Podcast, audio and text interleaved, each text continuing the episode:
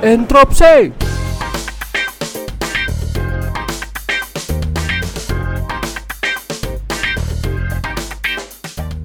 Uh, selamat sore semuanya. Terima kasih untuk semua uh, undangan yang sudah menghadiri kegiatan hari ini di podcast interupsi.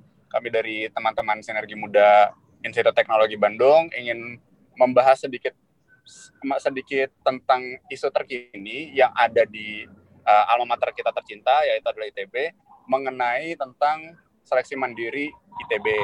Nah, hari ini kami sudah mengundang tiga orang pembicara dan satu orang host yang sekarang sudah menemani teman-teman semuanya. Um, mungkin saya perkenalkan diri terlebih dahulu. Uh, saya saya Ardi Rasiwardana, tahun 2013 dan sudah ada uh, bersama kita pertama dari Kepala Direktorat Kemahasiswaan Pak Pras. Uh, selamat sore Pak Pras. Selanjutnya ada Gulam uh, dari perwakilan mahasiswa sekarang menjabat sebagai Menteri Koordinator Kesejahteraan Mahasiswa Kabinet KMITB dan juga ada Kak Amel dari Kronologi Angkatan 2011 yang saat ini sedang banyak berkecimpung di di dunia ke kesejahteraan mahasiswa juga ya Kak termasuk mengurusi beberapa beasiswa. Oke. Nah, selamat datang uh, para hadirin semuanya yang emang kami undang sub, uh, dalam dalam dalam topik spesial ini dan sebenarnya mungkin dari dari apa dari segmen podcast ini sendiri sudah banyak mengetahui tentang isu yang sedang berger, berjalan ya dari apa dari seleksi mandiri ITB ini sendiri. Nah, seleksi mandiri ITB ini sebetulnya kan bukan sesuatu yang baru karena kita sudah tahu bahwa Institut Teknologi Bandung sebelumnya telah menetapkan uh, di sampai tahun 2010 ada seleksi mandiri.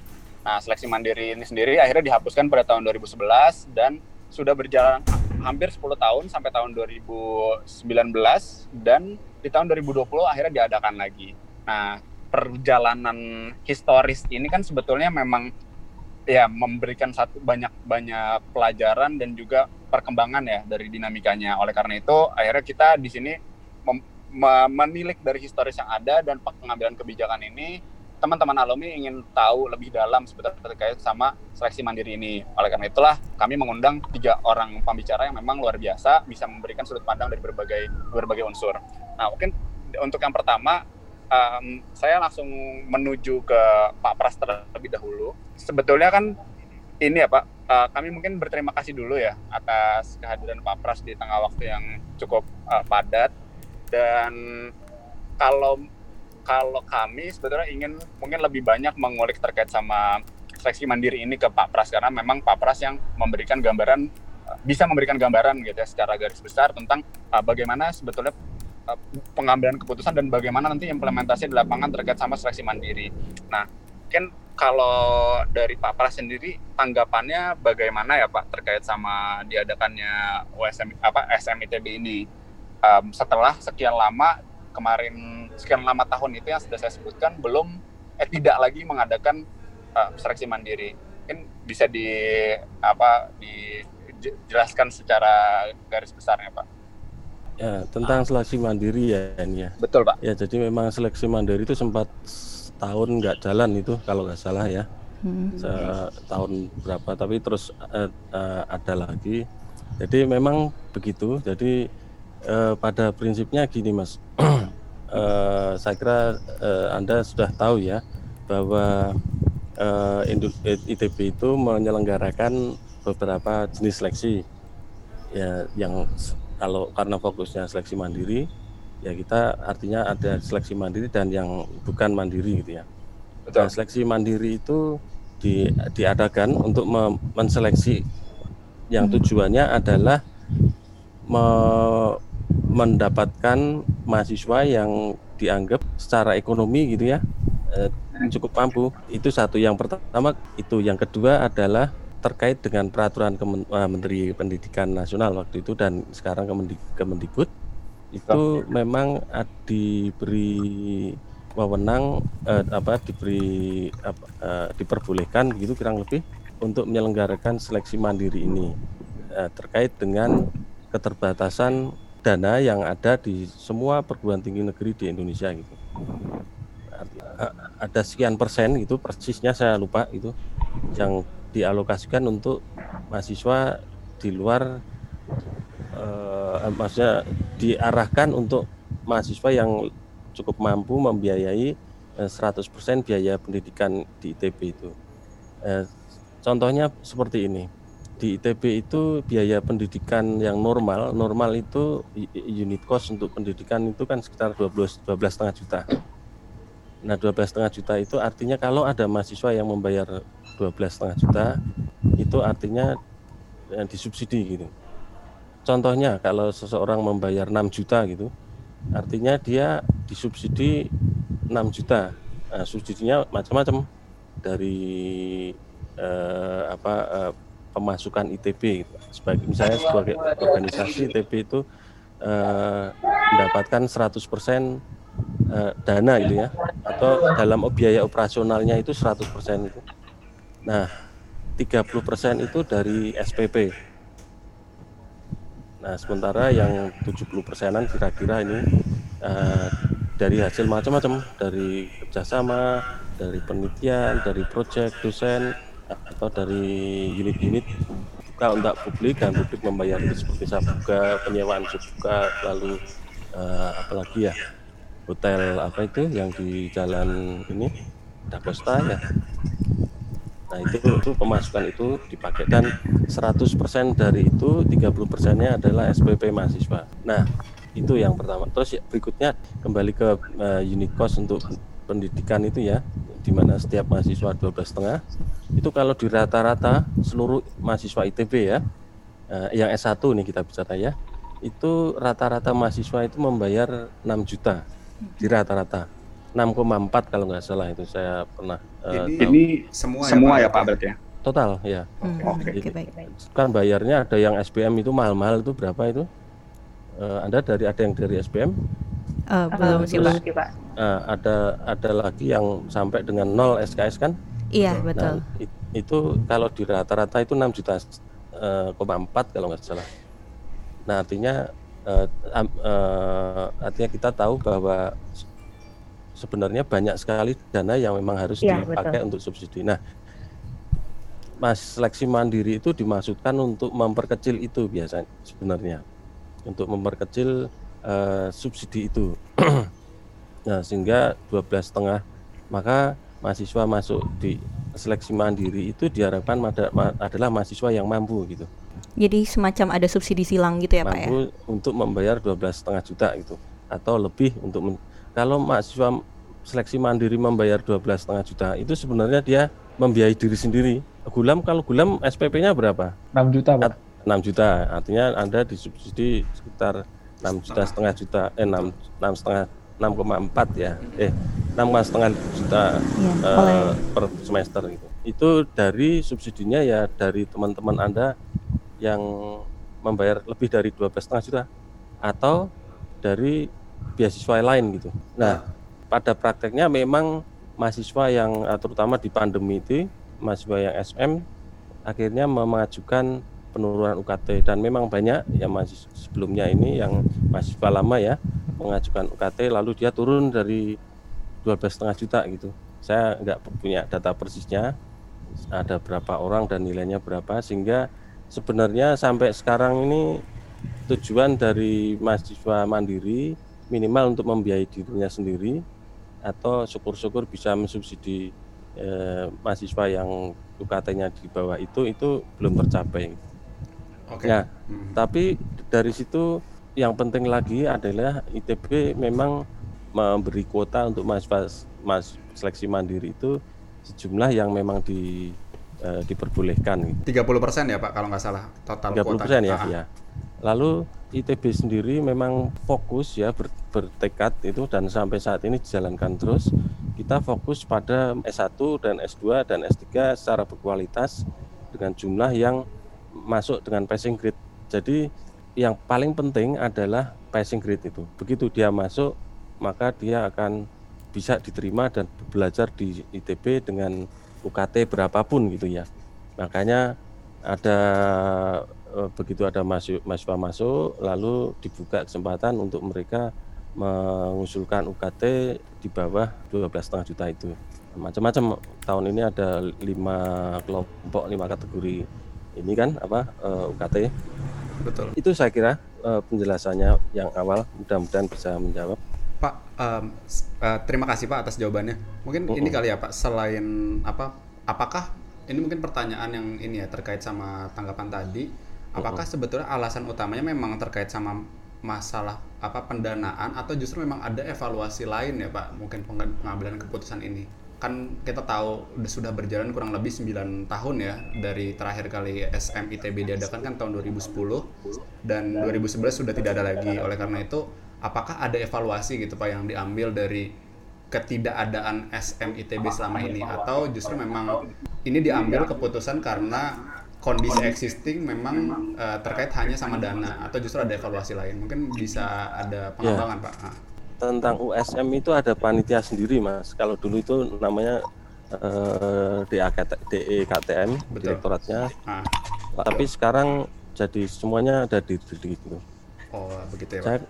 Ya, kurang paham saya. Baik pak. Karena baik, pak. baik saya waktu jadi dosen biasa artinya belum di direktorat sampai sekarang uh, uh, tidak pernah ikut di bagaimana itu di, diputuskan gitu. Baik Pak. Jadi kalau saya tahu informasinya saya bisa jelaskan. Siap. Terima kasih banyak Pak atas banyak, Pak, uh, tanggapannya. Ya. Mungkin sekarang langsung ke teman-teman dari mahasiswa ya Pak. Di sini kan kita sudah ada Gulam.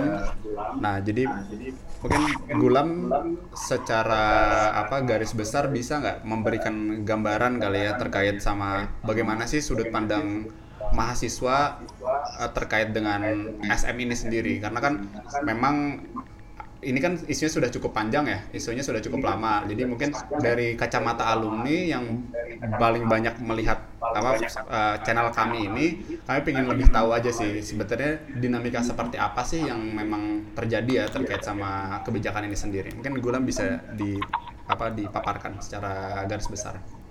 Baik, terima kasih Kak Ardi untuk kesempatannya. Jadi kalau dari mahasiswa sendiri, saya selaku perwakilan dari Kesma Kabinet ingin menyampaikan pandangan, izin untuk menyampaikan pandangan. Jadi menurut mahasiswa pada umumnya ketika melihat adanya seleksi mandiri ini itu simpelnya eh, kami merasa bahwa seleksi mandiri ini adalah ajang untuk itu tadi untuk mencari mahasiswa yang tidak disubsidi gitu atau intinya ajang untuk mencari dana tambahan itu kalau kami uh, membahasakannya gitu. Hal tersebut malah membuat pendidikan di ITB ini cenderung tidak bisa dinikmati oleh segala kalangan itu. Karena terlihat di laman ujian seleksi masuk ITB yang bagian seleksi mandiri itu di sana hanya mencantumkan biaya pendidikannya adalah 25 juta dan 12,5 juta itu. Yang mana itu akan membuat teman-teman kelas 12 SMA yang awalnya ingin mendaftar berhubung mungkin mereka mempunyai keterbatasan kemampuan ekonomi ketika melihat adanya informasi tersebut akan menjadi apa ya menjadi kurang percaya diri untuk bisa mendaftar seleksi mandiri. Ditambah lagi beberapa waktu lalu kami mendapatkan informasi tambahan seputar persyaratan masuk ITB melalui seleksi mandiri itu adalah adanya surat pernyataan uh, adanya bukti rekening yang berisi 100 juta itu dan sontak itu membuat kami merasa kaget ya dan langsung di media sosial itu banyak diperbincangkan oleh teman-teman kami mahasiswa itu kan. Tapi sudah direvisi kan ya waktu itu yang sudah direvisi kok ya. Iya dan akhirnya hmm. sudah direvisi gitu. Bisa di unsend lah itu yeah. informasi tersebut itu kan. Dan ketika informasi tersebut sudah hilang ya alhamdulillah kami sedikit merasa lega itu tapi tidak berarti kami langsung melepas melepas perhatian penuh kami terhadap isu ini gitu. Karena di sana masih terpampang dengan jelas bahwa UKT yang dibayarkan itu klasternya hanya ada dua 25 juta dan 12,5 juta gitu. Namun dalam keberjalanannya kami mendapatkan surat keputusan Ibu Rektor yang ditandatangani 13 Juli. Ini merupakan surat keputusan kedua yang pada lampirannya itu terdapat beberapa klaster UKT bagi mahasiswa yang diterima di jalur-jalur penerimaan ITB itu. Nah, di lampiran tersebut tertulis bahwa pada seleksi mandiri, terdapat klaster UKT bukan hanya 25 juta dan 12,5 juta, tetapi ada klaster 1 juta dan 0. Itu semakin membuat kami bertanya-tanya, kenapa yang ditampilkan pada laman USM ITB hanya 25 juta dan 12,5 juta? Pertanyaan kami adalah, kenapa informasi ini tidak ditampilkan di web tersebut gitu? Yang mana web tersebut merupakan rujukan resmi dari seluruh mahasiswa, uh, untuk seluruh mahasiswa untuk seluruh siswa kelas 12 SMA di Indonesia yang akan mendaftar ITB gitu kan. Ketika informasi ini tidak ditampilkan, itu akan semakin membuat mahasiswa itu menjadi tereliminasi secara alam ya. Ada seleksi alam lah untuk bisa mendaftar ITB melalui seleksi mandiri ini. Secara tidak langsung, hanya mahasiswa yang mempunyai kemampuan ekonomi yang lebih, yang mempunyai rasa ingin, sekadar rasa ingin untuk mendaftar ITB melalui seleksi mandiri ini. Hanya karena informasi ini tidak dipublish secara utuh gitu. Hanya diambil yang klaster 25 juta dan 12,5 juta itu. Nah maka pandangan dari kami mahasiswa uh, masih sangat menyayangkan itu kan. Kenapa tidak dipublish secara secara utuh? Oke berarti tapi kalau ini aku mungkin pertanyaan dijawab singkat aja ya dari mahasiswa sendiri statusnya sekarang kritis terhadap kebijakan ini menyayangkan beberapa implementasinya tapi secara garis besar mungkin um, bisa dikatakan berarti untuk masuk ke dalam kebijakan ini atau untuk setuju ke kebijakan ini itu juga sudah ada keputusan gitu ya mungkin atau bagaimana? Oke, gini Mas. Aha. Jadi kenapa ini cara umumnya dulu ya? Mm-hmm. Kenapa SM itu perlu ada gitu? Mm-hmm. Jadi kalau saya ya, ini saya juga mahasiswa dulu mahasiswa miskin ya dan sekarang juga enggak bukan orang kaya juga gitu. hmm. biasa aja nah itu satu hal saya sebagai pribadi gitu tapi kalau kita berpikir organisasi begini ITB itu mungkin bisa mahasiswa semuanya bayarnya kayak Mas Bilam 6 juta semua gitu ya hmm. Mungkin bisa tapi dengan bukan dengan kualitas yang tertentu yang seperti sekarang ada sehingga ada hitungan sehingga biaya operasional pendidikan itu 12 setengah gitu. Nah itu itu yang harus pertama dipahami bahwa pendidikan itu perlu fasilitas dan sebagainya untuk mencapai kualitas tertentu gitu. Oleh karena itu diperlukan biaya tertentu juga. Kalau tadi saya sampaikan, maka biaya operasional yang terjadi di TB itu sekian persen berasal dari dosen-dosen uh, yang melakukan kerjasama baik nasional maupun internasional, lalu ada uangnya dimasukkan di kasnya ITB, lalu ada bantuan dari pemerintah dan sebagainya termasuk SPP mahasiswa gitu oleh karena itu yang 100% itu dapatlah kualitas yang sekarang Anda kenyam sekarang seperti ini atau para alumni eh, alami pada saat itu gitu ya. Nah, artinya apa? Sebenarnya kita itu kalau mau dibuat murah ya bisa mungkin. Malah saya mikir ya ya bisa tapi dengan fasilitas yang tentu akan ber, tidak seperti sekarang gitu. Itu yang pertama. Terus yang berikutnya adalah ITB itu universitas yang diharapkan negara untuk me, bersama uh, PT PTN BH yang lain ya.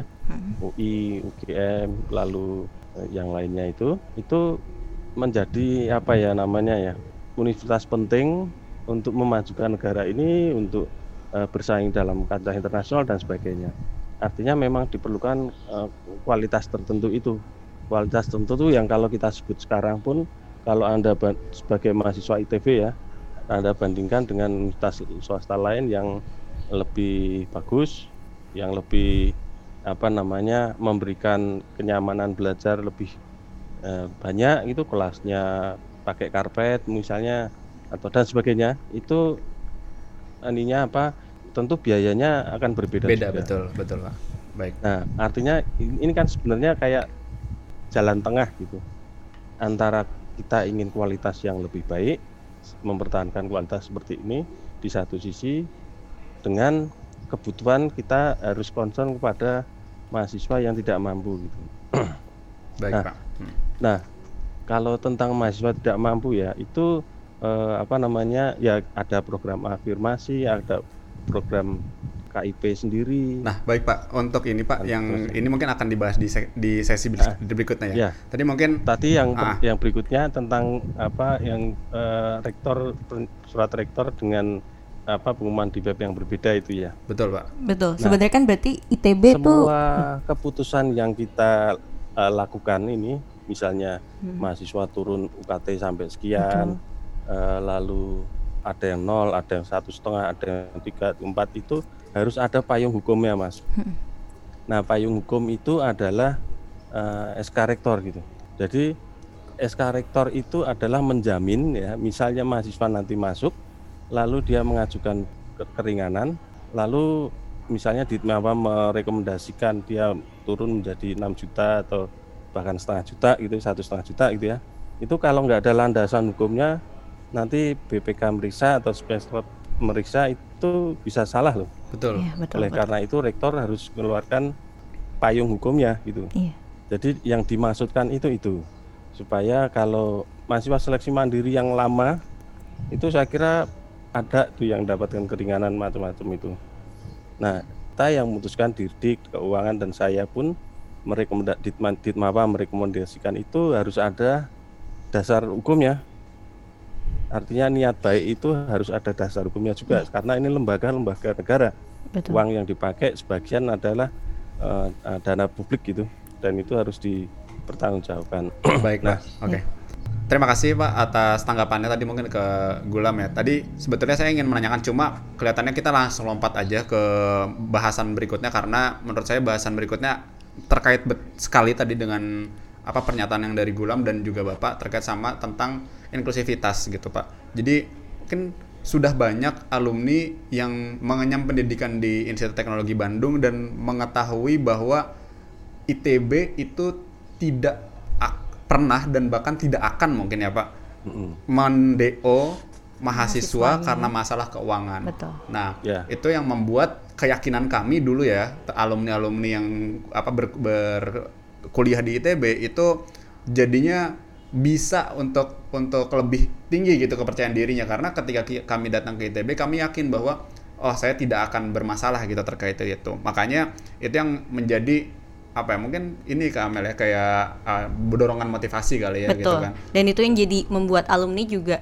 sama aware-nya gitu karena mereka merasakan bahwa dengan, dengan keyakinan, keyakinan yang, tadi disebutkan bahwa ITB tidak akan mendeus terkait keuangan, keuangan gitu. gitu. Itu yang jadi Itu yang kekuatan, kekuatan para alumni, para alumni juga bahwa, bahwa ingin membantu, adik-adik juga adik-adik karena juga karena dulu merasakan, dulu merasakan gitu bahwa sulitnya kuliah di ITB itu hanya di pendidikannya gitu. Kalau masalah beasiswa, bantuan itu bisa dikatakan sangat banyak gitu loh. Nah, yang ingin saya tanyakan nih Pak, apakah dengan banyaknya jalur USM tadi dan peringkat UKT, tagline itu tuh masih ada, Pak? Oh, ya, terima kasih Mbak Amelia. Ya, itu bukan tagline lagi itu. Itu mah memang yang terjadi sampai sekarang gitu. Jadi belum pernah ada ke- kejadian mahasiswa DO karena eh, UKT-nya ya. Ah, ini Pak, mungkin diper- saya perjelas sedikit pertanyaannya itu kira-kira sebetulnya se- nanti dengannya USM ini apakah tagline itu masih ada atau tidak? Maksudnya kan teman-teman yang masuk dari jalur USM pun juga apa ya? Walaupun kita tahu tadi ya mungkin secara garis besar adalah bayangannya dia berpotensi untuk lebih bisa atau lebih beri kecukupan secara ekonomi. Nah, apakah nanti ketika misalkan teman-teman yang menggunakan jalur SM ini itu ternyata entah dia ternyata bermasalah gitu kan secara ekonomi, apakah masih memungkinkan gitu untuk untuk tagline ini dipakai? Maksudnya tidak ada drop out juga terkait sama oh apa Yang yang Ya. SM ya. Ya, betul betul pak Ah, karena kan memang selama 9 tahun ke belakang kan tidak ada jalur ini kan tidak ada jalur SM nah ketika dia sudah jadi mahasiswa nanti misalkan dari jalur ini apakah berbeda gitu apa em, penanganannya gitu kan antara si teman-teman yang menggunakan jalur SM ini yang baru ini atau teman-teman yang tidak menggunakan ini? Ya, ini Mas, sebenarnya mahasiswa begitu masuk lulus ya, keterima dan sah sebagai mahasiswa, itu nggak ada yang tahu dia SM atau enggak, kecuali dia mengaku sendiri. Dan ITB nggak pernah membedakan dia itu lulusnya lewat SM, UN, UTBK, begitu dia masuk di ITB. Jadi bahkan mahasiswa bidik masi, misi atau enggak itu eh, tidak diketahui itu karena memang dosen wali pun nggak tahu kalau bidik misi. Hmm. Jadi begitu masuk ke ITB semua itu sama mau yang SM mau yang UTBK yang afirmasi yang apa walaupun mungkin dia terus uh, cerita karena ada teman dekat terus akhirnya tahu dia uh, afirmasi misalnya atau SM ya akhirnya tahu. Tapi nggak pernah ada pembedaan sama sekali dalam perlakuan gitu ya dari mahasiswa apa pun. Apakah dia uh, eh, SM lalu uh, ada perhatian khusus nggak ada. Justru yang kita lihat itu yang kita perhatikan benar itu mahasiswa bidik misi dan afirmasi itu sampai ada kuliah-kuliah khusus terutama untuk afirmasi di daerah 3T itu ya. Karena memang kadang-kadang perlu ada tutorial tambahan dan sebagainya. Jadi terkait dengan itu saya kira penjelasan bahwa tidak ada pembedaan asal dia tesnya atau mulai dia tesnya seperti apa masuk lewat jalur mana itu nggak jadi pertimbangan lagi pada saat dia mahasiswa gitu. Baik Pak, oke sudah cukup jelas berarti ya mungkin ini jelas, ya. apa ya bisa menggambarkan lah. Jadi sebetulnya tadi mungkin juga sebagai jawaban untuk apa gulam juga ya. Sebetulnya memang kan menimbulkan kalau bahasa gulam tadi ketidakpercayaan diri juga kan terhadap mahasiswa tapi dari teman-teman mahasiswa dan juga teman-teman alumni kita bisa sambil sama-sama campaign bahwa ketika dia sudah menjadi mahasiswa ITB pun melalui jalur apa itu masih ada tagline yang sama bahwa uh, ITB tidak akan melakukan uh, scoring ataupun drop out pada mahasiswa karena masalah keuangan. Ya. Jadi itu ya Pak mungkin secara garis uh, besarnya. Mungkin aku sedikit cerita pengalaman pribadi kali ya. Oh boleh silakan uh, Dulu Pak. Jadi silakan, silakan. Jadi cerita saya kan dulu juga sebagai mahasiswa ketika saya masuk ke ITB awalnya kan saya jalur undangan nih Pak. Saya daftar bidik misi. Nah kebetulan hmm. saya tuh nggak keterima undangan dan orang tua saya tuh sangat takut saya untuk daftar lagi ke ITB karena hmm bisa jadi uh, karena bidik misinya udah ditolak nanti kamu nggak keterima ITB juga nih gitu. Orang tua saya tuh sempet takut kayak gitu. Nah saya sempat waktu itu saya ingat banget saya tanya dengan alumni SMA saya yang ada di ITB nanya kalau misalnya saya masuk ITB nggak jalur bidik misi sebenarnya mungkin nggak sih orang yang istilahnya sama-sama saya kan nggak mampu gitu ya teman uh, alumni saya juga tahu gitu. Mungkin nggak sih saya bisa lulus di sana dengan aman dan alumni saya saat itu bantu mensosialisasikan bahwa iya nggak apa-apa masuk aja. Nanti ketika kamu masuk banyak orang kok di sana yang akan jadi keluarga kamu buat jaga kamu sampai kamu lulus. Nah itu saat itu sih saya sebenarnya agak agak bahagia tapi saya juga masih didibet sama keluarga saya. Jadi keluarga saya itu jujur nggak percaya dengan tagline itu gitu. Bahkan kan kalau dulu sistemnya 2011 itu ketika kita mau masuk eh ketika kita diterima kita diminta surat itu loh pak yang berapa persen sih? 50 persen apa 100 persen? Kita mau bayar uang pangkalnya dulu gitu. Nah saat itu pun orang tua saya itu masih takut untuk menulis 0% bayar uang pangkal gitu. Karena ya karena apa namanya takutnya saya nggak diterima gara-gara saya ambil itu tapi uh, saya kuatkan udah pak milih aja 50% insya Allah uh, nanti belakangannya biar dibantu sama kakak-kakak alumni dan alhamdulillahnya sih benar bahwa kondisi saya yang waktu itu sih sempet kayak nunggak berkali-kali uang apa sih uang semesteran ya sama hmm. LK yeah. itu dibantu banget oleh LK terhadap uang uh, apa namanya uh, diberikan kemudahan agar tetap bisa kuliah dan lain-lainnya dan dicicil nantinya. Dan buktinya juga benar bahwa ya tadi alumni itu sebagai basis kekuatan sih karena tiba-tiba ada aja yang nelpon terus bilang kamu butuh beasiswa? Ya ini ada beasiswa.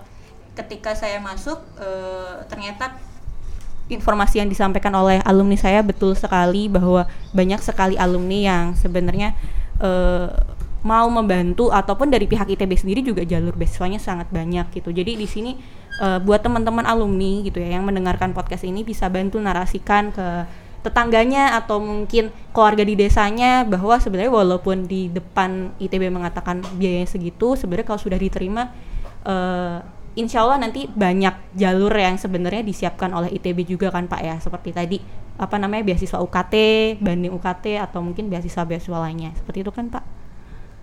Ya, uh, benar. Artinya uh, sampai sekarang kita itu terus-terusan bekerja untuk nyari sumber-sumber beasiswa lain ya, yang uh, bisa dipakai untuk mahasiswa itu. Dan ini tim di, di Temawa ada tim uh, beasiswa, ada, ada subdirektorat untuk urusan beasiswa itu, kesejahteraan mahasiswa itu sampai sampai ya kerja siang malam itu untuk Ah, baik. mendetek macam-macam. Sebetulnya Dan ah, ini saya cuma sampaikan gini ya. Kadang-kadang mahasiswa itu kan ma- kirim WA dan sebagainya itu kejem-kejem terus terang ini. Ini sampai kemarin habis rapat itu ada staf kami Bu itu sampai nangis tuh. Lihat Kenapa ini. Pak? Nangis kenapa nangis? Karena gini saya sampaikan ya. Mereka itu siang malam bekerja untuk mahasiswa nyari ini nyariin beasiswa nyalurkan kesalaman ke sini penuh sana nyari nah, SMA, WA yang diterima itu menurut saya nggak bagus tuh. Nah ini sebaiknya juga mahasiswa eh, agak sopan lah kalau nanya itu. Ini eh, anda berkomunikasi dengan orang tua yang berusaha membantu mahasiswa tapi pernyataan-pernyataannya itu kadang-kadang eh, membuli gitu. Memang kalau saya di sini terima WA untuk beberapa saja paling orang tua ngontak tapi yang di staff itu bisa sampai puluhan itu. Dan itu hanya karena kadang-kadang miskomunikasi dan sebagainya. Nah ini ini ini gini saya bilang ke mahasiswa ya. Ada kaitannya kita sedang perbaiki juga itu. Ini uh, out of context sedikit ya. Iya, mahasiswa ITB itu dalam sejak tahun 2010 kalau nggak salah itu sampai sekarang itu hasil tes psikotesnya itu konsisten hasilnya. Intelektualitasnya tinggi tapi soft skillnya itu rendah itu Oke. itu kalau angka 100 ya itu bisa sampai 80 90 intelektualitas lalu soft skillnya itu bisa cuma 5 atau 4 gitu skala 100 nah itu membahayakan lulusan ITB kalau dia sudah di masyarakat tuh mungkin ini langsung ke Gulam juga dari apa dari kami kan alumni juga ingin tahu ya kan kira-kira sinergi seperti apa sih yang yang ingin dilakukan gitu kan sama teman-teman mahasiswa dan juga rektorat. Nah, kalau misalkan dari mahasiswa sekarang untuk melakukan kan kita juga tahu ya Gulam ya maksudnya uh, SMITB ini sendiri ya sudah di sudah diberlakukan dan sudah dijalankan. Oleh karena itu kita mungkin oke lah kita tadi mungkin secara secara garis besar teman-teman mahasiswa memang harus tetap kritis terhadap segala, semua kebijakan tapi di lain sisi ketika ini sudah memang berjalan pendampingan seperti apa nih yang bisa dilakukan? Betul ya? Jadinya dari teman-teman mahasiswa dari teman-teman kabinet ada nggak sih strategi khusus atau cara-cara khusus dalam menyikapi uh, diberlakukannya SM ini setelah setelah memang sudah diberlakukan ya. Jadi apa yang akan teman-teman lakukan langkah-langkah apa yang akan teman-teman berikan. Di sini konteksnya kami sebagai alumni uh, ingin tahu se, uh, se apa langkahnya supaya kami bisa menilai, mungkin ya yang mendengarkan juga bisa menilai kira-kira kami sebagai alumni bisa bekerja sama di bagian apa gitu atau apa yang bisa kami bantu uh, Kontribusi. kontribusi apa gitu kan yang bisa dibantu ke depannya dengan mahasiswa seperti itu. Mungkin ada ta- tanggapan dari Gulam? Oke. Jadi kalau dari kami mahasiswa, bagaimana uh, penyikapan terhadap isu ini adalah, alhamdulillah kami uh, mengajukan kerjasama itu dengan Ditmawa dalam hal beasiswa UKT pastinya itu. Karena di tahun 2020 ini banding banding UKT yang pada tahun se- sebelum-sebelumnya itu ada untuk tahun ini tahun 2020 itu namanya diubah sekarang menjadi beasiswa UKT gitu tapi untuk berkasnya untuk hasilnya seperti apa itu secara garis besar memang masih sama gitu nah jadi untuk penyikapannya adalah kami akan membantu siapa pun itu mahasiswanya bukan hanya dari seleksi mandiri tapi juga untuk yang SNMPTN maupun SBMPTN yang memang secara ekonomi membutuhkan bantuan gitu maka kami dari Kesma Kabinet terutama akan menyediakan fasilitasnya itu dengan catatan dari mahasiswanya juga secara proaktif mencari informasi tersebut dan juga memberikan kabar itu. Seminimalnya adalah ke teman-teman terdekatnya atau kalau sudah di himpunan ke himpunannya gitu. Karena sekarang kondisi yang ada di lapangan itu mahasiswa kadang cenderung tidak mengabarkan informasi kondisi mereka gitu kan. Jadi kami ketika akan memberikan bantuan itu uh, masih bingung gitu Oke. jadi uh, secara dua arah kami juga mengajukan kerjasama ke Ditmawa dalam hal beasiswa UKT. Jadi nanti dari Kesma Kabinet akan membantu dalam hal penyeleksiannya dan juga bisa untuk merekomendasikan nama-nama siapa saja yang berhak mendapatkan bantuan tersebut gitu. Nah, uh, oke. Okay. Luar biasa sebenarnya strategi yang teman-teman kabinet sudah rancang ya. Cuma yang jadi titik tekannya kan nanti mungkin ini ya ada ada beberapa ada beberapa penyesuaian gitu. Apalagi ini kan adalah kebijakan awal. Yang kita tahu bahwa dulu juga pas kebijakan awal UKT karena angkatan saya 2013 itu pertama kali UKT itu kan juga mengalami adaptasi ya. Jadi ada sedikit ada sedikit masalah yang terjadi karena memang perubahan sistem. Nah untuk mena untuk apa melihat apa ya adanya adaptasi ini kan sebetulnya kita juga perlu berstrategi kan seperti apa. Nah makanya di sini sharing di sini sih sebenarnya juga mau menyampaikan juga dulu sebetulnya ada nggak sih kak? Ini mungkin ke kak Amel kali ya. Yeah. ada nggak sih um, yang bisa di sharing nih ke teman-teman mahasiswa? Seperti apa sih gambaran yang mungkin dulu abang-abang kakak-kakak pas pas ada masalah ada masalah seperti apa? Dan juga kira-kira penanganan seperti apa sih dulu terkait sama SMIT ITB ini Uh, sebenarnya kalau terkait benar kata Gulam uh, pendampingan di KM itu sebenarnya udah banyak maksimalnya sih dengan apa namanya membuka channel-channel ya. Tapi kalau yang mau saya ingat juga sebenarnya di sini uh, kuncinya jangan hanya di kabinet. Kabinet ini hanya menjadi penghubung jembatan antara rektorat dan juga mahasiswa. Tapi juga seluruh uh, elemen mahasiswa sendiri maupun alumni juga yang sebagai corong informasi. Contohnya kayak dulu waktu saya mau masuk juga, itu ada teman saya yang nggak punya beasiswa juga dan dia harus uh, bayar SPP dan lain-lainnya. Ya dia apa ya, sebagai mahasiswa baru dia agak nekat sih dia ke kantor alumni gitu yang notabene-nya gak ada siapa-siapa juga tapi akhirnya dibantu juga oleh alumni gitu hingga akhirnya dia bisa apa namanya bisa uh, mendapatkan uang pangkal untuk dia bisa daftar ulang. Jadi kuncinya adalah di sini mungkin corong informasi itu harus disadari bahwa setiap orang di TB itu bisa jadi apa ya, jadi penyambung e, kebutuhan tadi. Misalnya kalau tahu bahwa temannya butuh, mungkin bisa disampaikan ke Kesma. Kalau misalnya di alumni bisa aja ke alumni alumni yang lainnya. Kayak mungkin saya sedikit memberi contoh aja. E, ini langsung aja kontribusi ya sebenarnya. Selain mahasiswa juga e, kabinet juga bisa kontribusi dengan menyambungkan ke alumni karena sebenarnya uh, apa namanya beberapa alumni itu punya kanal-kanal angkatan yang sebenarnya mereka peduli dengan adik-adik maupun uh, kondisi di ITB itu sendiri. Uh, sebagai contoh uh, beasiswa yang sudah saya inisiasi dari tahun 2017 itu beasiswa luar biasa.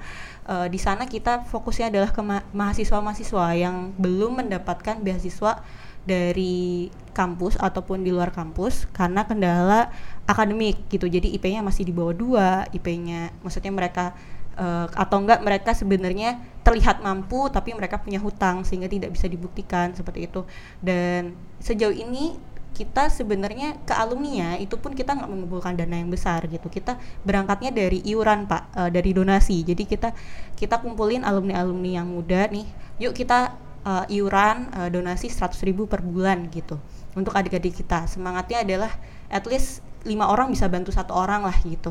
Dan alhamdulillah sih sampai sekarang kita bisa mengumpulkan hingga 500 juta ya selama empat tahun gitu dan disalurkan ke adik-adik. Dan sekarang pun kita sedang berjalan ini uh, berjalan pembukaan donasi juga untuk UKT beasiswa UKT itu kita sudah mengumpulkan 180 alumni yang siap uh, komitmen berdonasi setiap bulannya dan insya Allah bisa disalurkan paling tidak ke 30 hingga 40 mahasiswa ITB nanti di bulan September untuk UKT. Setiap orang dapat uh, subsidi 3 juta dari beasiswa luar biasa. Dan ini pun untuk teman-teman alumni juga sebenarnya uh, untuk memulai langkah uh, beasiswa itu tidak terlalu sulit gitu karena uh, berangkatnya seperti tadi uh, mungkin teman-teman istilahnya mau merayakan dekadean gitu kan. Ini juga saya lakukan juga di planologi uh, kebetulan kita 2011 sebentar lagi akan dekade dua tahun lagi kita dekade. Terus yaudah uh, kita mau mau ngapain nih? Daripada hanya reuni mungkin kita bisa nih melakukan sesuatu gitu. Iseng-iseng kita ngumpulin dana aja pak. Ngumpulin dana.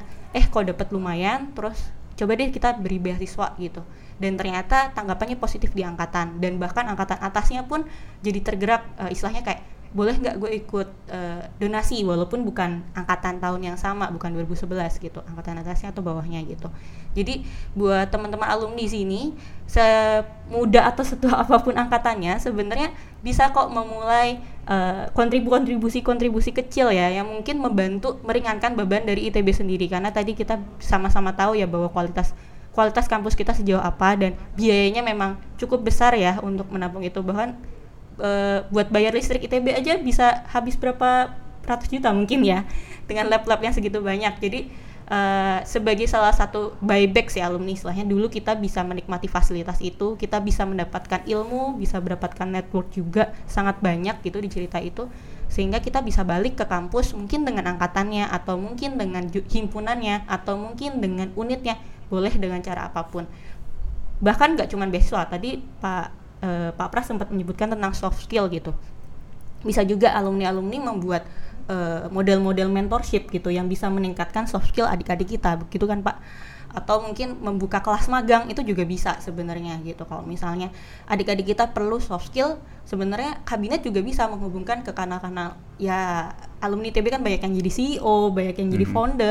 Itu kampus uh, mereka bisa membuka kelas kecil lah internship untuk sebulan atau dua bulan untuk mengasah uh, pengalaman mereka di dunia kerja maupun soft skillnya. Seperti itu sih. Jadi sebenarnya kontribusi itu nggak perlu hal besar nggak perlu nunggu jadi direktur dulu.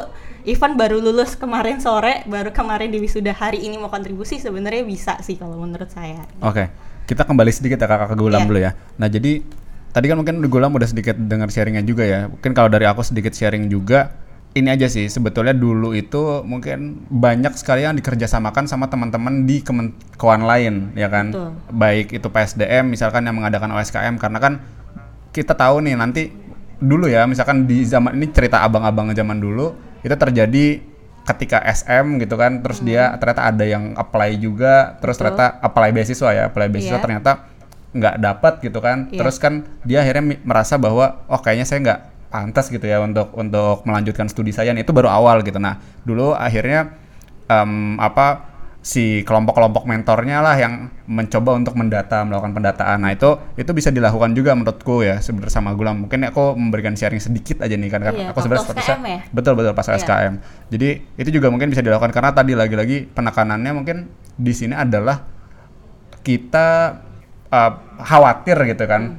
Hmm. oke okay, bisa jadi aturan ini positif dan nega ada negatifnya. Tapi di lain sisi sebetulnya terlepas bagaimana polemik terhadap apa urgensi dari aturan ini sendiri, apa pun yang terjadi ini sudah dinyatakan uh, diketok palu, sudah dijalankan dan apa yang bisa kita lakukan setelah dijalankan. Betul. Nah, kan terakhir sih ini ini pertanyaan buat Gulab kali ya. Pak Pras mungkin ya. Oh. Saya ingin uh, tahu sih Pak selain mungkin terkait untuk Pak Pras mungkin pertanyaannya uh, selain kontribusi alumni mungkin tadi di bidang beasiswa atau apa, uh, apakah dari Ditmo sendiri punya uh, apa ya kebutuhan-kebutuhan tertentu yang mungkin bisa dikerjasamakan dengan alumni untuk uh, adik-adik kita di kampus gitu Pak? Baik bentuk beasiswa atau yang lainnya. Kayaknya ini pertanyaan yang juga bisa diajukan ke Gulam juga. Betul, ya. bisa ke Jadi apakah sih. kabinet sudah punya program apa yang bisa dikerjasamakan dan juga bagaimana Ditmawa uh, melakukan hal tersebut gitu ya. Apakah betul. ada mungkin ke Pak beri ke Pak Pras dulu kali ya? Iya betul ke Pak Pras ya, dulu. Terima kasih. Jadi gini mas, kalau bicara kesejahteraan mahasiswa itu sebenarnya topiknya lebar. Jadi uh, ya kalau kita bicara kasus sekarang ya, artinya akhir-akhir ini itu tentu persoalan UKT itu besar. Tapi saya mau bilang begini, terkait kasus UKT kita itu kan punya data sekian banyak mahasiswa uh, ekonominya dan sebagainya. Itu bisa dikatakan sebagian besar mahasiswa ITB itu uh, secara umum dia uh, memiliki UKT atas dasar ekonominya gitu ya. Dan ada juga tapi nggak segitu banyak itu yang yang apa namanya tidak mampu dan itu memang harus disupport walaupun uh, jumlahnya tertentu gitu. Memang dibanding saya zaman dulu itu ini banyak mas naik motor aja sedikit kan, yeah. apalagi naik mobil itu. Iya pak betul. Benar-benar pak. Benar. Tapi tapi sekarang mobil banyak. Nah gini bisa jadi refleksi juga karena perekonomian tumbuh kan. Betul. Zaman Betul, dulu orang tua saya nggak punya mobil. Nah, ba- baru sudah kerja lama baru punya mobil, mobil yang murah gitu. Nah, sekarang anda-anda mungkin sudah pada punya mobil lulus berapa lama? Kalau mobil itu dipakai sebagai ukuran ya. Hmm. Artinya ekonomi memang meningkat. itu satu. Lalu berikutnya persoalan yang juga tadi karena bicara kesejahteraan ya. Kesejahteraan itu eh, luas. Pertama juga persoalan eh, mental nih. Mental ini mahasiswa dulu dengan sekarang itu berbeda. Dulu di di OS kenceng begitu tenang aja gitu. Nah, sekarang tadi saya sampaikan eh, statistik yang menjelaskan mahasiswa sekarang itu intelektualitas tinggi, tapi soft skill termasuk mental itu yang kurang. Maka kita punya salah satu eh, tugas penting itu untuk meningkatkan kemampuan itu gitu. Saya lihat di mana di eh, sosmednya mahasiswa ya, itu bagus-bagus. Ada yang me- me- memfokuskan pada isu pelecehan seksual gitu. Antar mahasiswa atau semua sivitas akademia. Itu bagus tuh. Itu kan isu kesejahteraan. Lalu eh, itu karena membangkitkan empati pada orang lain dan sebagainya. Lalu yang penting lagi adalah psikologi ini nah terkait dengan usaha untuk kerjasama ini dari awal tuh sebenarnya KM ini agak belakangan ini ketemu kita. Saya mulai bekerja di bulan akhir Februari kalau nggak salah di kemahasiswaan ini. Saya hubungi banyak pihak. Nah terus terang eh, maaf saja saya kontak dengan KM ini rada susah waktu itu. Oke. waktu itu ada persoalan-persoalan eh, psikologi yang kita kembangkan yang kita coba petakan dan kita membutuhkan mahasiswa memang. Justru dari para kaprodi para kaprodi atau turunnya itu kepada himpunan-himpunan itu ya untuk menghandle persoalan ini gitu karena persoalan psikologi itu meningkat terus di yang dihadapi mahasiswa. Itu menunjukkan ke- eh, ketahanan mental mereka memang eh, perlu ditingkatkan gitu. Nah cuma sayang eh, rupanya KM kayaknya kurang kurang berminat untuk urusan ini dan lebih banyak baru belakangan ini mungkin urusan kesejahteraan se- sejak ka- pandemi yang Pak, mohon ke- maaf kalau misalkan dengan ekonomi, ya. alumni kerjasamanya Nah. ada program tertentu nggak ya Pak dari apa dari Ditmawa sendiri? kalau alumni sejauh ini Atau kira-kira yang dibutuhkan dari alumni gitu, Pak? Iya, mungkin bisa Nah. disampaikan gitu.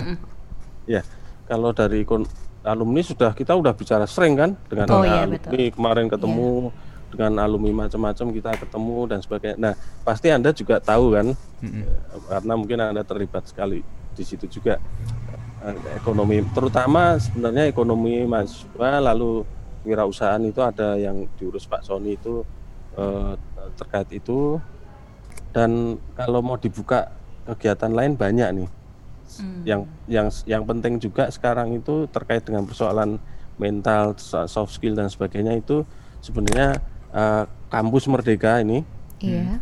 eh, program kampus merdeka itu bagus banget itu. Untuk untuk mendorong mahasiswa ya lebih banyak terlibat nggak cuma dari antar ITB sendiri karena berinteraksi dengan kampus lain. Kemarin ada sekelompok mahasiswa yang ikut KKN kolaborasi dengan UGM dengan Brawijaya itu bagus banget itu Oh, KKN kolaboratif gitu ya, Pak ya? Mm, jadi itu eh, bagus. Nah, isu-isu kayak gini itu kan bagus, artinya eh, alumni bisa terlibat dan sebagainya. Eh, kebetulan kan dosen-dosen yang terlibat, dosen-dosen itu kan alumni juga kan ya. Betul. Iya. Eh, nah itu juga ngurusin itu. Nah eh, rupanya eh, kegiatan-kegiatan juga dengan UKM-UKM itu, itu mereka sangat intensif itu bekerja sama dengan alumni Oh, iya. itu banyak banget itu karena eh, UKM itu kan punya alumni juga Betul. Iya, alumni betul. dan itu setiap kegiatan rasanya itu pasti nempel itu alumni situ Iya. Baik Pak. Nah. Ah, nah artinya kalau saya lihat malah KM ini malah yang sebaiknya bisa belajar banyak itu dari eh, UKM UKM dari mahasiswa yang ikut KKN yang ikut apa tuh namanya eh, program kemanusia kemanusiaan ke eh, kemarin ke eh, tsunami Banten atau ke Lombok itu kegiatannya bagus banget Baik pak. Ya. Oke. Okay. Uh, mungkin tadi gitu ya kalau buat teman-teman alumni yang mau bekerja sama gitu kan sama uh, dit ditmawa terutama nanti mungkin bisa di apa berkontak dengan bapak atau mungkin dengan rekan apa rekan kerja juga ya pak ya. Ya saya kira gitu. Artinya uh, pertama buat uh, kak uh, alumni ya hmm. ini sebenarnya pernyataan yang berulang-ulang tapi ya tidak saya ulangi lagi. Hmm. Saya terima kasih karena selama ini dengan misalnya IA pusat iya. lalu apa pengda-pengda itu bagus banget ininya supportnya dan kita bisa kembangkan lagi uh, ke banyak topik gitu yeah. Ter terutama untuk kesejahteraan mahasiswa ini Siap, Pak. dan untuk pengembangan profesi sebenarnya lalu buat mahasiswa terkait oh, banyak ya aspek yang mau dibicarakan ya artinya terkait dengan UKT itu prinsipnya begini ITB itu semua bekerja uh, bukan untuk uh, memberatkan mahasiswa ya. ya se semuanya itu dengan pertimbangan untuk kebaikan mahasiswa itu. Ya, sem semua bekerja tadi saya bicara tentang staf beasiswa itu yang kerja siang malam, ibu-ibu yang punya anak-anak dan sebagainya. Nah itu sebaiknya memang bekerja sama dengan baik gitu. Jadi jangan KM itu menurut saya ya itu bertindak seperti oposan gitu seperti oposan itu kalau kita diskusi itu seperti apa namanya ya bukan pada teman sendiri gitu nah itu saya kira eh, perlu diperbaiki jadi kita itu kan bekerja pada arah yang sama saya selalu menyampaikan kita itu berat mengarah pada arah yang sama. Jadi eh, kerjasama yang baik itu di, di situ. Nah saya lihat twitternya Mas Gulam itu di Twitter pada saat apa ya? Tentang masih tentang UKT juga. Perjuangan kita membuahkan hasil lah gitu. Saya kita mikir mm -hmm. orang saya kita juga pada pada saat itu kalau nggak salah ada lupa saya Iya pak. Maksud baik. maksudnya perjuangan ah. tuh perjuangan apa gitu loh. Ya, jadi intinya kita bekerja sama kan sama-sama iya, berjuang gitu ya. Iya, kita semua tujuannya kita, adalah kesejahteraan mahasiswa iya, bareng-bareng gitu. Betul. Dari dulu kita menyampaikan kan itu kepada Pak Presiden pada ini kan. Mm -hmm. Jadi bukan penjajah gitulah. Ya baik Pak. Kita me coba mental, cari jalan tengah uh, lah dikomunikasikan ya, gitu uh, ya Pak ya. Uh, ya betul betul baik. Dan gini ya buat KM sendiri, saya lihat KM ini semangatnya kayak masih semangat zaman uh, Orde Baru gitu. Orde Baru itu kan lawannya ya pemerintah gitu kan atau artinya lawannya jelas itu. Saya juga dulu begitu itu. Lalu zaman berubah, artinya demokrasi lebih lebih pasti dan lawannya juga eh, tidak tunggal seperti itu. Oleh karena itu zaman sekarang itu kalau kalau dulu ya KM itu benar-benar merepresentasikan semangat mahasiswa secara keseluruhan gitu. Nah kalau saya sekarang lihat, saya sarankan pada Gulam dan teman-teman lihat apa yang terjadi di mahasiswa secara utuh gitu dinamikanya mahasiswa bekerja melakukan kegiatan bekerja dengan apa dalam uh, program-program kemanusiaan dan semuanya itu ber, bekerja dengan baik gitu. Dengan dengan dinamikanya gitu. Dengan semangat dan sebagainya. Dan itu saya kira positif sekali. Dan kita support gitu. Terus yang bekerja untuk uh, meningkatkan prestasi dan sebagainya. Nah, saya kira baik Pak. Uh, KM sebaiknya buka radarnya luas-luas, ya. bukan pada segelintir hmm. diskusi kecil-kecil ya, tapi hmm. lihat apa yang terjadi sebenarnya UKM secara utuh gitu. Baik Pak. Oke Pak, terima kasih banyak ya Pak atas ini juga. Atas Mungkin waktunya. apa secara garis besar tadi kita bisa menangkap pesannya ya. Pak. Apa baik kerjasama, poin kerjasama nah. dan juga urgensi terhadap SM ini sendiri. Ya, ya. nanti untuk ke depannya mungkin harapannya sih ya dari alumni-alumni kita bisa memberikan kontribusi lebih kontribusi gitu Pak. nyata pastinya. Dan Oke, ya, saya pamit dulu ya. Baik Pak. Pak. Terima Belum kasih. Lagi. Oke, terima, kasih Pak. Sekali lagi, assalamualaikum. Ini kita lanjut dulu ya. Iya lanjut uh -uh. lagi. Nah, sedikit terakhir. Sama lah. tadi pertanyaan yang sama sebenarnya Gulam terhadap apa terhadap teman-teman kabinet apa yang kira-kira bisa dikerjasamakan gitu sama alumni um, kan kami tahu lah maksudnya secara garis besar kita, kami bisa saja bekerja sama sama teman-teman himpunan atau bahkan teman-teman unit ya, tapi Iya. kelihatannya akan jadi lebih baik dan juga terkoordinasi ketika kami bekerja sama dengan kabinet gitu kan. Iya. Nah, mungkin porsinya kabinet deh di isunya kabinet yang kabinet pegang gitu konteksnya di ke- eh, kesejahteraan mahasiswa ya kalau Mm-mm. di sini ya kira-kira apa yang bisa mungkin dibutuhkan gitu jadi kalau kita turun eh, maksudnya kan alumni udah nggak eh, nggak bisa kecap langsung sama mahasiswa gitu kita lewat kabinet kira-kira dari pemetaan kabinet sejauh ini baik di kondisi pandemi ini ataupun terkait polemik UKT sebenarnya eh, alumni bisa kontribusi di bagian mana dan melalui jalur apa gitu silakan Gulam. Baik, terima kasih waktunya Kak Ardi dan Kak Amel. Izin untuk menanggapi pernyataan dari Pak Pras tadi yang seputar keterlibatan Iya ya, iya. Ya. Benar-benar nggak apa-apa. Karena ini memang dalam satu forum yang sama ya. Walaupun Pak Pak Pras sudah nggak hadir, kamu harus tetap memberikan klarifikasi.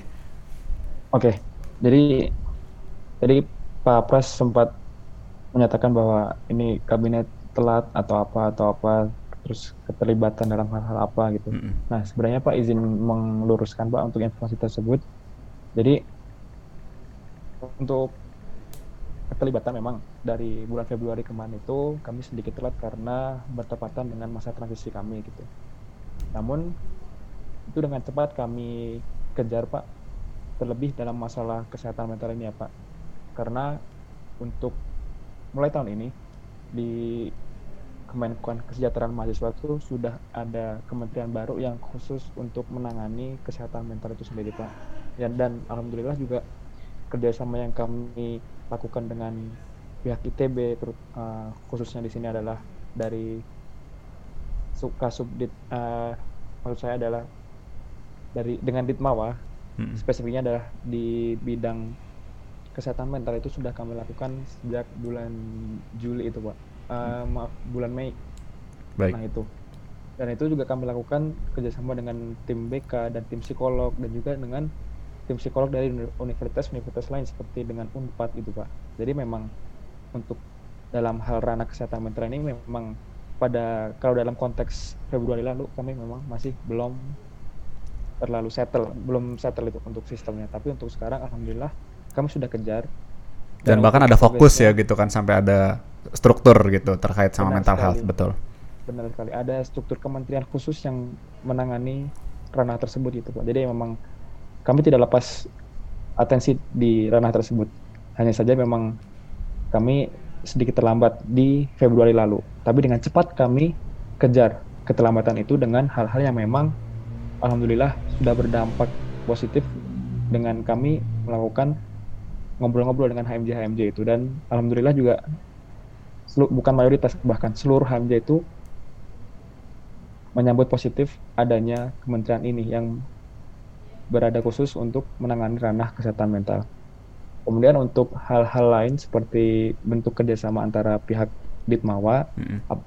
ketika kami di uh, mungkin di di dilabeli opini seperti masa orde baru itu sebenarnya itu mungkin se agak terlalu terlalu berlebihan sih pak karena ketika sekarang di saat masa pan- pandemi ini yang kami rasakan adalah kami juga sebagai mahasiswa berhak untuk mendapatkan informasi yang pasti yang pertama.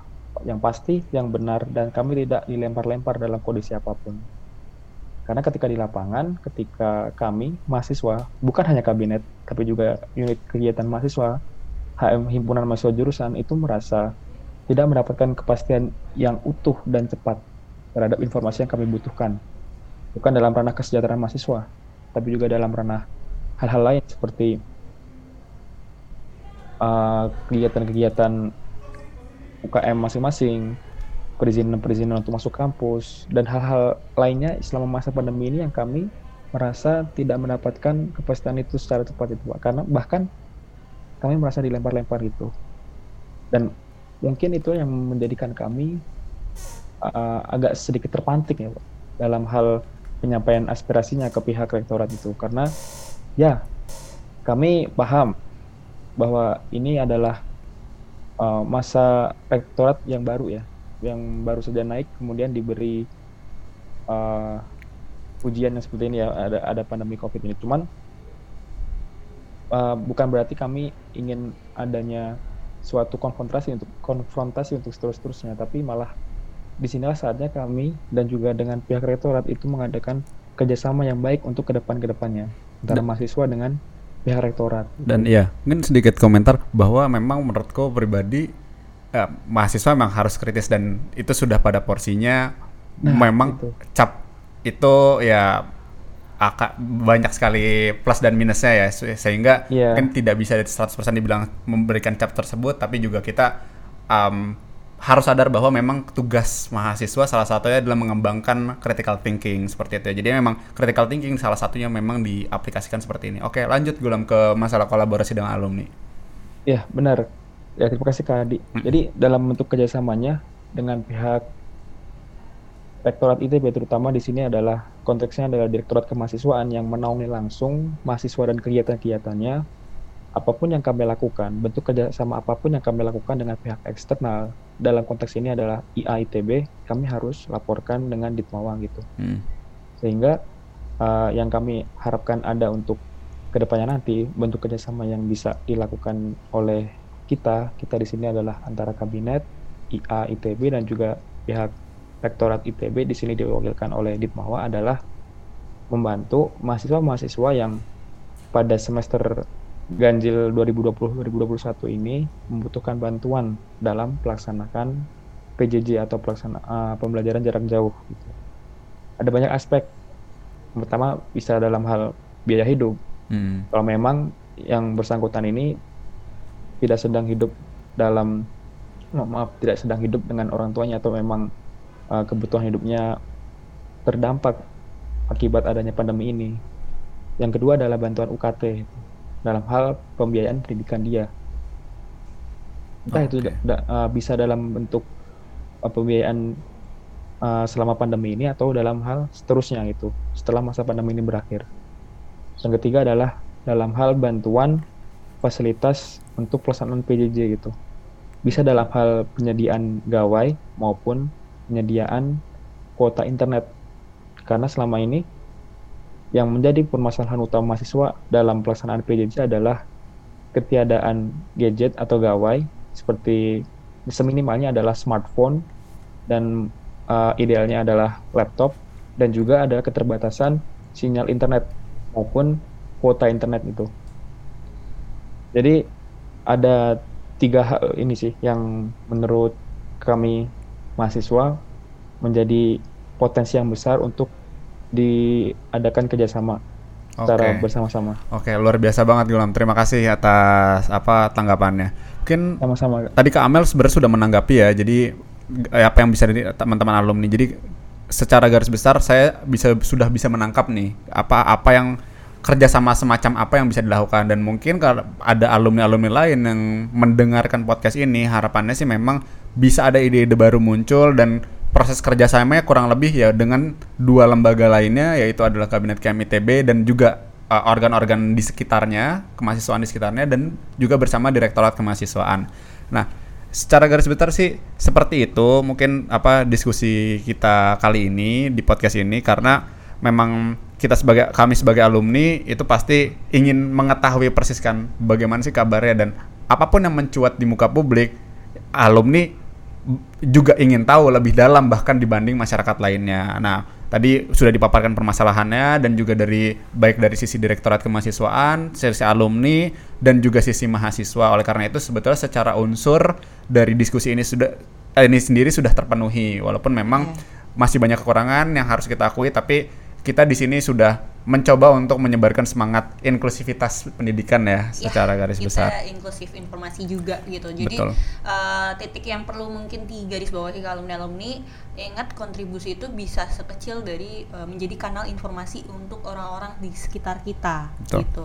Kita sebagai alumni ITB tadi mendengar bahwa uh, eh, ITB masih menjaga semangatnya, uh, janjinya juga aku katakan apa ya aksi gitu aksi yang selama hmm. ini selalu dijaga yaitu tidak akan mendeo mahasiswa karena masalah keuangan nah kita bisa dicorong hal tersebut tapi konteksnya ya konstruks, konstruksif gitu. Dalam artian bukan berarti kita uh, eh, apa sih masuk ITB itu gratis aja bukan seperti itu. Tapi jika memang membutuhkan bantuan banyak kanal bantuan yang bisa di uh, usahakan seperti itu. Kata kuncinya usahakan gitu. Kalau memang kamu hanya diam-diam saja nggak bilang ke siapa pun cuman uh, apa namanya cuman rebahan ya tidak akan dapat beasiswa tapi kalau kamu memang menyuarakan kamu menunjukkan prestasi dan kinerja ya uh, insya Allah banyak channel-channel yang sebenarnya bisa diusahakan untuk membantu pun yang kedua juga alumni bisa kontribusi langsung baik dengan uh, angkatannya baik dengan himpunannya atau mungkin dengan UKM dan ataupun dengan kabinet seperti itu.